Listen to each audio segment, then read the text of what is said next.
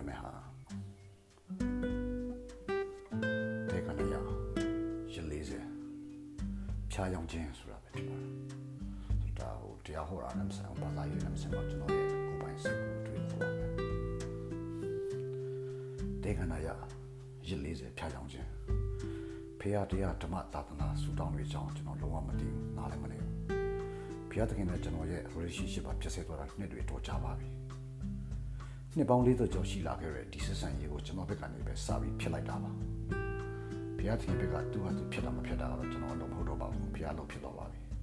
အခုချိန်ထိကျွန်တော်အသက်ကိုမရုပ်သိမ်းသေးတာကြီးပုံရတော့သူတွေကလူသားဆိုတဲ့ဂရေဂရာပေါင်းမျိုးဆိုတော့လူတွေထဲကအမေရှုံကလူသားတရားကိုတန်ရုံးစင်မပြတ်သေးပုံရပါတယ်ဘုရားသခင်ရဲ့အတိမတ်ပြုကောင်းကြီးပေးပြီးတိတ်ခံရခြင်းဆိုတာဆင်းရဲခြင်းငတ်မွတ်ခြင်းပင်ပန်းခြင်းဆုံးရှုံးခြင်းတွေဝေဒနာခံစားရခြင်းနာကျင်ခြင်းတွေ စိတ်နှလုံးကြေကွဲရခြင်းတွေကိုခက်ခဲဆွာရှင်းတန်နေတိုင်းခွင့်ဆိုတဲ့တခုတည်းသောအရာနဲ့ကျေးဇူးတင်နေရမယ်ဆိုရင်လည်းထားလိုက်ပါတော့တေဆုံးခြင်းရလည်းကောင်းခြင်းကတပါဖြစ်နိုင်တာပဲလေလူတယောက်ချင်းစီတိုင်းရဲ့သပင်တွေကအစာရည်တွနေတော့သူဆိုတော့လေကိုယ်လှည့်မြောက်သေးဘူးလို့ပဲသဘောထားလိုက်ပါတော့ပဲဟောဒီတတကဘာမှာကိုယ်လှည့်မြောက်လာရပဲတည်သွားတဲ့လူတွေဘယ်လောက်တောင်ရှိနေပြီလဲဘယ်လောက်ကြံသေးတယ်လဲဘာသာတရားတွေမရဲတွေဝိညာဉ်တွေ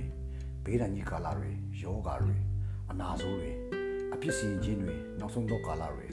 အမေဂရွန်စစ်ပွဲတွေဆိုတဲ့အကြောက်တရားတွေနဲ့လူသားချင်းချင်းမချင်းကြောက်မလဲစားကြပါနဲ့လို့ဗျာအတိတ်ဘဝကံတွေဝတ်ကျူးတွေအလဟာရှင်တော်မြတ်လို့တော့ကြာအတိုင်းတွေထာဝရဘုရားလို့တော့တိုင်းဗုဒ္ဓဘုရားဘဝငါးရချင်းချမ်းပြီးရှာဖွေတွေ့ရှိခဲ့ပါတယ်ဆိုတဲ့တရားတော်ဆိုတာတွေလည်းကြက်ကြပါတော့ဆူတောင်းခြင်းမှုဆိုတာကိုမပြုလို့တာနှစ်တွေတော်ကြပါပြီဆယ်စုနှစ်တစ်ခုနီးပါးမှာတောင်းဆိုခဲ့မှုတဲ့ခြင်းဆိုတာလက်ဆက်ကြောင့်မပြေတော့ဘူး ရှိခဲ့ရင်လည်းကျွန်တော်ဆူတောင်းတွေကိုကျွန်တော်ကိုယ်တိုင်အယုံကြည်မရှိတော့တာလည်းဖြစ်မယ်ဆူတောင်းနေဆိုရမှာလဲကျမ်းမာခြင်းချမ်းသာခြင်းယောဂဝေဒနာငြိမ်းခြင်းဆိုတာမျိုးကို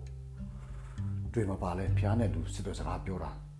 တက်တက်လို့ပဲခံယူထားပေမဲ့အခုချိန်ကြီးကတော့ကျွန်တော်တယောက်တည်းပြောနေရတယ်လို့ခံစားနိုင်မိတယ်မဟုတ်ဘူးလား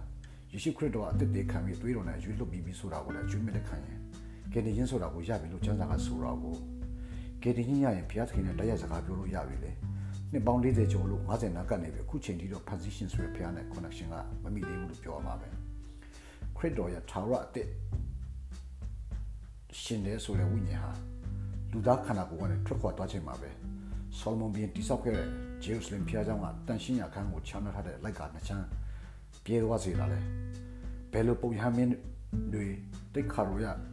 ဆရာတွေတရားဟောဆရာတွေကျန်တဲ့ပုဂ္ဂိုလ်တွေရဲ့ဂျောင်းဝင်အပတ်ဖြည့်ပေးကြမလို့အ ပြစ်တရားကနေလွတ်မြောက်ဖို့ဆူတောင်းပေးကြမလို့တော့ပဲဒါတော့ယေရှုခရစ်ကိုဓာတ်ရက်ဆက်သွဲခွင့်အာဏာကိုလူသားတွေကိုလွှဲပေးလိုက်တာဖြစ်တယ်အခြေခံအဆင့်ကဖျားယောင်းတွေးဆောင်ခြင်းဆိုရင်အပြစ်တရားဆိုတာဒုတိယအဆင့်ကိုရောရောက်လာမယ်အပြစ်တရားဆိုတဲ့ဒုတိယအဆင့်ကိုရောက်လာမယ်တတိယအဆင့်ကတော့ဆင်းရဲဒုက္ခရောက်ခြင်းပေါ့ဒီစိတ်သုံးခုကိုကျော်လွှတ်နိုင်ရင်တော့နှလုံးရင်းနဲ့ပြေဝပြီးညံ့ညံ့နဲ့ပြည့်စုံတဲ့ဆောလမွန်တို့တရားဓမ္မနဲ့မှန်ကန်တဲ့အဆုံးဖြတ်ပေးနိုင်တဲ့ဘီရင်ကြီးပေါ့ လူစီဖာကတော့ကစားပွဲကိုအရှင်းမြအောင်အထွတ်ထိပ်ရအောင်ဘေးကနေဖျောင်းတွေးဆောင်နေအောင်ပါပါမေလာ6ရက်နေ့2020ခုနှစ်ကကျွန်တော်ရေးခဲ့တာပါအားလုံးကျေးဇူးတင်ပါ